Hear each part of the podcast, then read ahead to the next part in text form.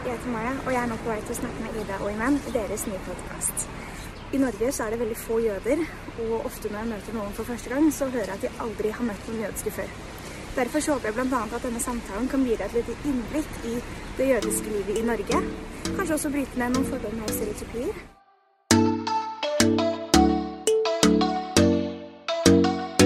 Hei og velkommen hit, Maja.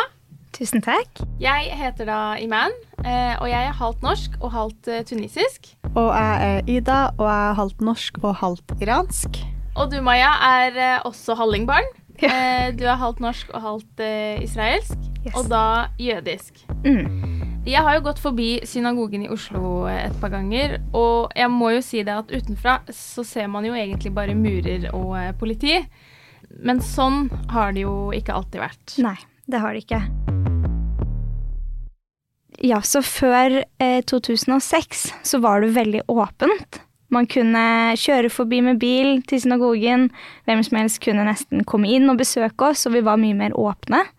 Eh, men i 2006 så var det en skyteepisode hvor det ble skutt elleve skudd mot synagogen vår. Heldigvis så var det ingen som ble truffet, men det gjorde at sikkerheten ble trappa opp veldig mye. Eh, veien som går forbi synagogen, den ble avgrenset, så man kunne ikke lenger kjøre forbi med bil. Eh, det ble satt opp sånn murer, eller sånn bolker. Politiet står nå utenfor, og vi har også egne vakter som passer på. Eh, På samme tid så var jeg åtte år, og jeg husker jo ikke så veldig mye detaljer, men det jeg husker er at jeg ikke lenger kunne bli sluppet av for å dra til ettermiddagsundervisningen utenfor synagogen. Jeg måtte nå bli sluppet av oppe ved gata eller nede, og gå opp selv eller bli fulgt opp. Eh, plutselig så var det også sluser, tunge dører som jeg måtte gjennom, og, eh, og generell sikkerhet når jeg bare skulle inn for å treffe vennene mine. Nå er jeg for så vidt veldig glad på en måte for at vi har den sikkerheten. Eh, det gjør oss veldig trygge. Jeg føler meg mindre redd og mindre frykt. Eh, Men det som er veldig fint med å snakke om det, er at man også får vist hvordan vi er mye mer enn bare disse murene og politifolk og vakter og sikkerhet, men en veldig levende synagoge og et veldig levende miljø, eh, menighet. Ja, men den sikkerheten er jo der fremdeles. Kan du si litt om hvordan eh, den påvirker menigheten? Jeg tror det er veldig varierende hvordan den påvirker oss. Eh, Men det er jo sånn at hvis du skal komme til gudstjeneste, og vaktene ikke kjenner deg igjen, så får du ikke komme inn. Men samtidig så kjenner jo vaktene igjen de fleste som går til synagogen også, så det er jo ikke noe problem sånn sett. Men under gudstjenesten så kjenner man jo ikke på sikkerheten. Det er ikke sånn at de står inne i synagogen. Eh, Synagogen er jo helt fri for, for andre enn de som ber, eh, og er sammen der. Men hvorfor står det fortsatt vakter der eh, i dag? Eh, det er rett og slett for å være forut dersom det skulle skjedd noe. Det er jo ikke til å legge skjul på at antisemittisme, eh, hets og hat fortsatt er eh, noe som finnes blant oss. Både mot enkeltpersoner og mot det mosaiske trossamfunnet som menighet, eller det jødiske folket som et folk i Norge.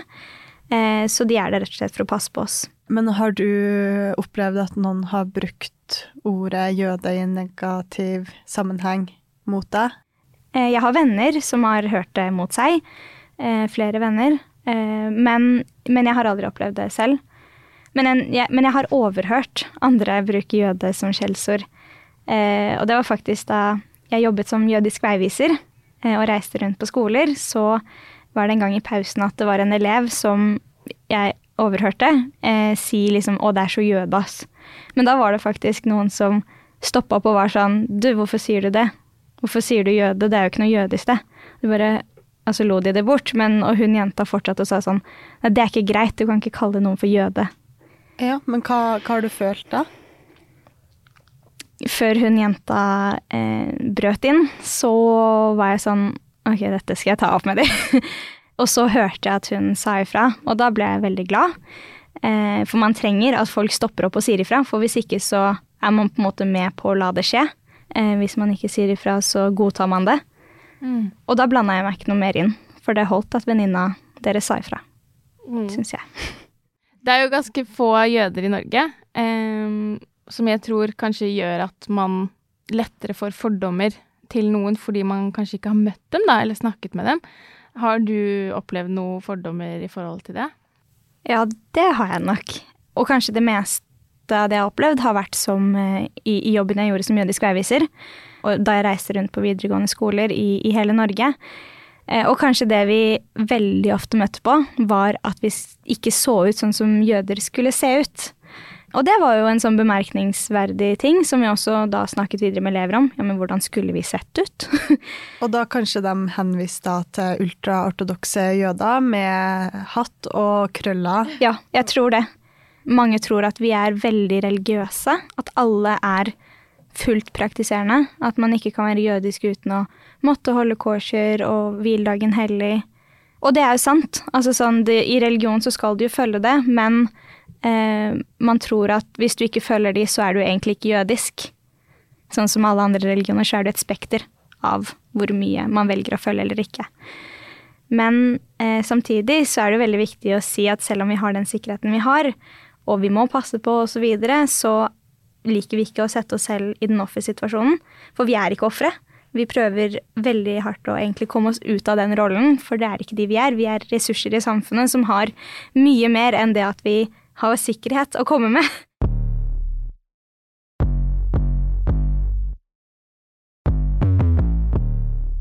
Men du har da eh, vokst opp med litt to forskjellige religiøse tradisjoner.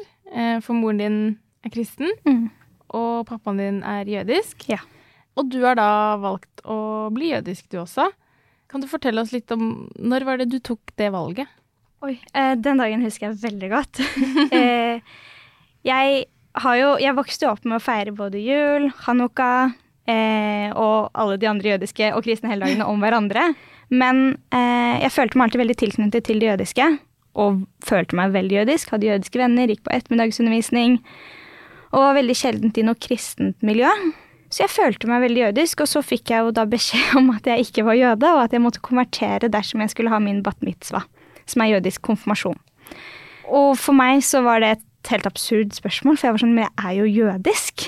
Eh, og jeg har et sånt bilde i hodet av at mamma og jeg er ute og handler, og så snakker vi om dette at jeg kanskje skal konvertere eller ikke konvertere, kanskje jeg bør vente. Eh, for jeg var jo bare elleve år. Men så har jeg sånn bilde av at jeg snur meg veldig brått. Det er sånn Men mamma, jeg er jo jødisk. Mm. Eh, og det gjorde at jeg bare visste at det var jo ikke noe annet jeg skulle være. Nei, For i jødommen så er det jo sånn at du må ha jødisk mor for mm. å bli sett på som jøde. Ja. Det, eller ifølge våre tekster, da, tradisjon, eh, vår tradisjon og tro, så må man ha jødisk mor. Eller så kan man konvertere. Og konvertering er jo en mye lengre prosess, og egentlig en ganske mye mer strengt religiøst rettet prosess. Eh, for jødedommen så er det ikke lov til å misjonere, og eh, du skal ikke bli jødisk på en måte fordi du utforsker noe. Hvis du går inn i det jødiske, så skal det være fordi at du virkelig Det er noe du er for resten av livet. Det er ikke noe du prøver ut eller tester. Så for å bli jøde må du egentlig på en måte være allerede inni den jødiske livsstilen. Eh, følge alle regler, tradisjoner, høytider, helligdager, være i gudstjeneste og være en del av fellesskapet før du får lov til å konvertere. Kan du fortelle litt om det, den konverteringa? Hvordan foregikk det? Jeg var jo, som jeg allerede har sagt, da var veldig innad i miljøet. Jeg gikk på ettermiddagsundervisning, var på seminarer og sommerleirer og dro i, eh, til synagogen på shabbat. Um, så jeg hadde en, noen samtaler med både rabbineren vår, overrabbiner og andre i, um, i, menigheten vår om hvorfor jeg ville bli jødisk, altså hva var grunnen til at jeg ønsket å konvertere. Og jeg mener å huske at jeg hadde både samtaler med foreldrene mine til stede og uten foreldrene mine til stede. Eh, og etter at de godkjente meg til å konvertere, så hadde jeg en liten seremoni eh, nede i Mikven. Og Mikve er da et basseng hvor vi eh, dypper oss eh, og på en måte renser oss inn i det nye livet som jødisk. Mm. Eh, så man skal bli ren. Mikven bruker også til andre seremonier. ja, det er et slags rituelt bad. Ja, rituelt bad. Mm. Riktig. Eh, og så fikk jeg en bønn over meg, og så var jeg også offisielt jødisk. Eh, men personlig så endret det ikke så mye seg, for jeg Det var bare Nå var alt på plass. Mm. Men konvertering i islam, i Iman, det er jo litt annerledes? sånn selve konverteringsprosessen er eh, to setninger som man må si, også med liksom et par vitner som på en måte kan vitne på at du har gjort det. Men så tenker jeg at det, det, det handler om der, er jo på en måte at det er en del ting du må tro på, da, eh, før du på en måte kan kalle deg muslim. Du kan, hvis du vil, gå og kalle deg muslim i morgen, på en måte. Um, men det innebærer da en del, en del ting man uh, tror på.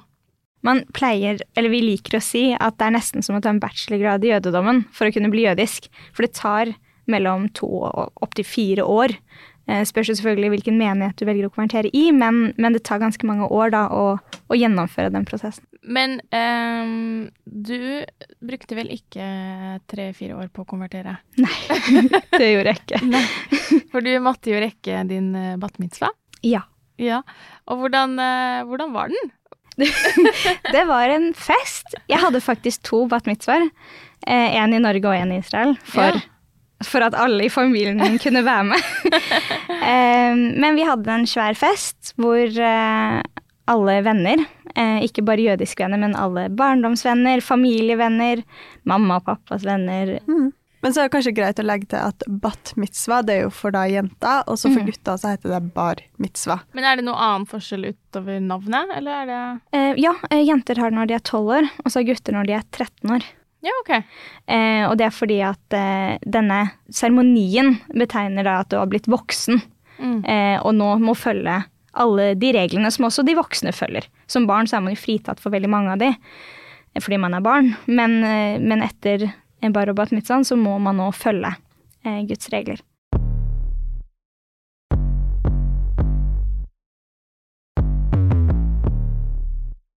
Sånn som jeg har forstått det, så er det eh, flere retninger i jødedom. Og i Oslo så har dere jo bare én synagoge. Eh, så hvordan får dere til det?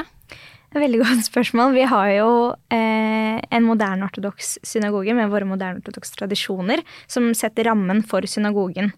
Eh, F.eks. at vi skiller mellom menn og kvinner under gudstjeneste. Eh, men så er det jo sånn at det er jo mange flere retninger blant de norske jødene. Eh, det er ikke sånn at alle er moderne ortodokse, i tillegg til at jeg vil egentlig si at ortodoks er Ordet ortodoks ikke beskriver menigheten vår og synagogen vår veldig bra, for vi er veldig mye mer enn det. Eh, på tvers av både kultur og tradisjoner i ulike retninger. Eh, så møtes vi jo i synagogen for sammen å be. Og vi er jo akkurat ferdig med en ganske lang helligdagsperiode. Hvor vi nå avslutta den med å ha en feiring som feirer Torah-rullene våre. Som heter Simchat Torah. Eh, og under gudstjenesten for denne feiringen så eh, møttes vi og satt separat i starten av eh, gudstjenesten. Mennene nede, damene oppe.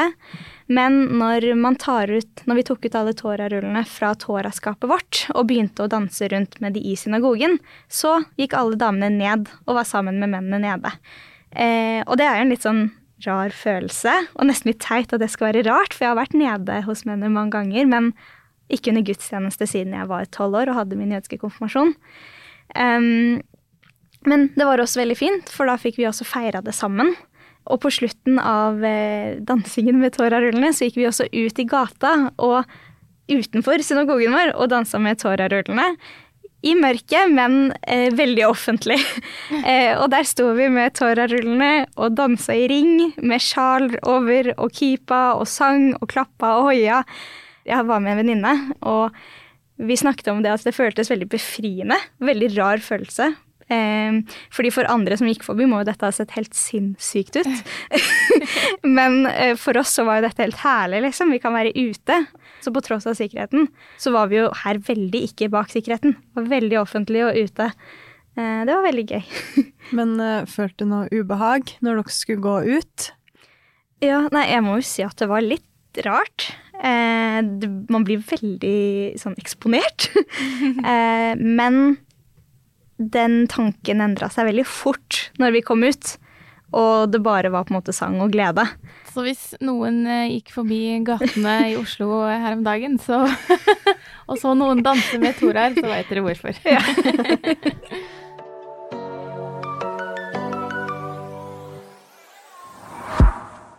Da tenker jeg vi går over til spørsmål fra Instagram-følgere.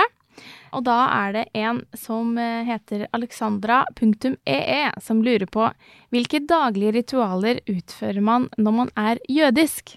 Vi har annet bønner, tre stykker av de. Morgen, middag og kveld. Eh, og det skal man gjøre hver dag, enten man er i synagogen eller ikke. Og de kan også gjennomføres hvor som helst. Men hvordan ser det ut når, når dere ber? Ja, kan jeg jo si sånn, det er litt forskjellig hjemme og i synagogen, men det er en stor blanding av både eh, å sitte stille og lytte til den som leder gudstjenesten. Eh, det er stillebønn, og da står man oppreist. Til en av stillebønnene så skal man gå tre skritt frem for å gå inn i bønn med Gud. Og så når du er ferdig med stillebønn, så skal du gå tre skritt tilbake for å gå ut av bønnen. Eh, vi bukker noen ganger, man, ikke alltid når man sier Guds navn, men ved noen setninger når man sier Guds navn, så bukker vi. Eh, og vi synger mye. I hvert fall i vår synagoge, hvis man besøker det noen ganger under gudstjeneste, så vil man skjønne at dette her er noe folk kan pga. sanger. eh, for det er jo ikke alle som kan lese og skrive hebraisk. Og hebraisk er det vi ber på, på det universelle språket. I tillegg til dette så har man jo ritualer eh, for mat. Eh, vi skal overholde kosher-reglene, men hvis vi spiser noe med brød i seg, så har vi noe som heter en bench, som vi skal synge etterpå, som også har med bønn å gjøre. Ja, og kosher-reglene, det går vel ut på at man ikke skal blande kjøtt og melkeprodukter? Blant annet. Eh, vi skal heller ikke spise svin. For det er vel over 300 matregler man har i jødedommen, er det ikke noe sånt? Jo, noe sånt. Ja, det er ganske mange. ja, veldig mange matregler. Eh, og så har vi jo shabbat, som for så vidt ikke er i ukedagene, men det er fra fredag kveld til lørdag kveld. Eh, hvor man skal overholde hviledagen hellig. Da skal man ikke kjøre bil, man skal ikke drive med elektronikk, man skal ikke skrive, man skal ikke skape noe nytt. Alt mm. skal hvile. Det står til og med i Toraen vår at selv slaven din og dyrene dine skal hvile på denne dagen. Mm. Ikke sant? Og det er jo derfor jødene gjerne bor i samme mm. nabolag, og også gjerne bor nærme synagogen, sånn at man kan gå eh, til synagogen og ikke kjøre bil, eller ikke bli sliten av å mm. komme seg til synagogen, gjerne på lørdags formiddag. Ja, helt riktig. Og så er det laktoseperson på Instagram som spør hva skulle du ønske folk spurte om? Oi, det er et veldig godt spørsmål. Ofte, vi snakket jo litt om det, så spør man jo om sikkerhet, og om man føler på hat og hets og fordommer. Men jeg kunne ønske at folk spurte mer om kulturen. Eh, og hvordan den jødiske identiteten er. Vi er jo et folk med en identitet og et veldig, veldig tett fellesskap, ikke bare i Norge, men i hele verden. Uh, uansett hvor man reiser, så ja. man, er man alltid velkommen inn i et jødisk hjem. Mm. Også et siste spørsmål her fra Susann.nikkerud, som lurer på om du opplever at mange med jødisk bakgrunn føler at de må skjule det for å unngå rasisme? Eh, har hørt flere som velger å skjule det. Um, personlig så har jeg jo i visse liksom, situasjoner kanskje ikke ønsket at alle skal vite at jeg er jødisk med en gang. For med det at man sier at man er jødisk, kommer det mange spørsmål. Og det trenger ikke være vonde spørsmål, eh, men spørsmål. Og det blir liksom hele temaet i samtalen, og det er jo ikke alltid man ønsker. Noen ganger så vil man at folk skal bli kjent med meg som meg, og ikke bare som Maya den jødiske. Mm. Men eh, personlig så var det jo ikke sånn at jeg Altså, på barneskolen, ungdomsskolen og videregående så visste alle at jeg var jødisk. De visste den, liksom at Maya var jødisk før de ble kjent med meg, nesten. Og det var aldri noe problem. Um, men jeg var jo også ganske sjenert i jødedommen likevel. Selv om jeg alle visste det, så sa jeg jo ikke til alle sånn 'Nå er det shabbat! Nå skal vi spise middag!' Eller 'Nå har det vært en høytid! Skal jeg fortelle om den?' Jeg var mye mer sjenert i det jødiske. Uh, og jeg vet ikke om det handlet om at jeg var redd for andres reaksjoner, eller om at jeg liksom var på en måte lei eller ønsket ikke å være så annerledes lenger. Så det kan kanskje like mye være det som at man er redd for fordommer. Mm, for ja. tror du mange føler seg annerledes fordi at eh, det er så lite jødisk samfunn her i Norge? Ja, det vil jeg tro. Um, kanskje spesielt i ungdomsårene. Sånn nå som jeg er ferdig med videregående, så er det jo jeg vil si lettere å på en måte stå i mitt, fordi man ikke er påvirket av alt det som skjer rundt. Men f.eks. på ungdomsskolen, da alle skulle på konfirmasjonsleir eller på Camp Refugee fordi de skulle ha borgerlig konfirmasjon, så var jo ikke jeg en del av dette her eh, i det hele tatt. For jeg hadde hatt min konfirmasjon. Jeg var jo ferdig. Og det samme gjelder jo ikke sant, hvis de ikke feirer jul. Nå har jeg feira jul alltid, men jeg har flere jødiske venner som ikke feirer jul, og som alltid syns det er litt sånn ubehagelig eller rart når juletidene kommer og de ikke har noe. Eh, så det er mange jødiske familier faktisk som har lagd en sånn gavetradisjon rundt Hanukka, den eh, ene høytiden vår i desember, for at de jødiske barna deres ikke skal være på en måte så annerledes fra sine, sine medelever på skolene.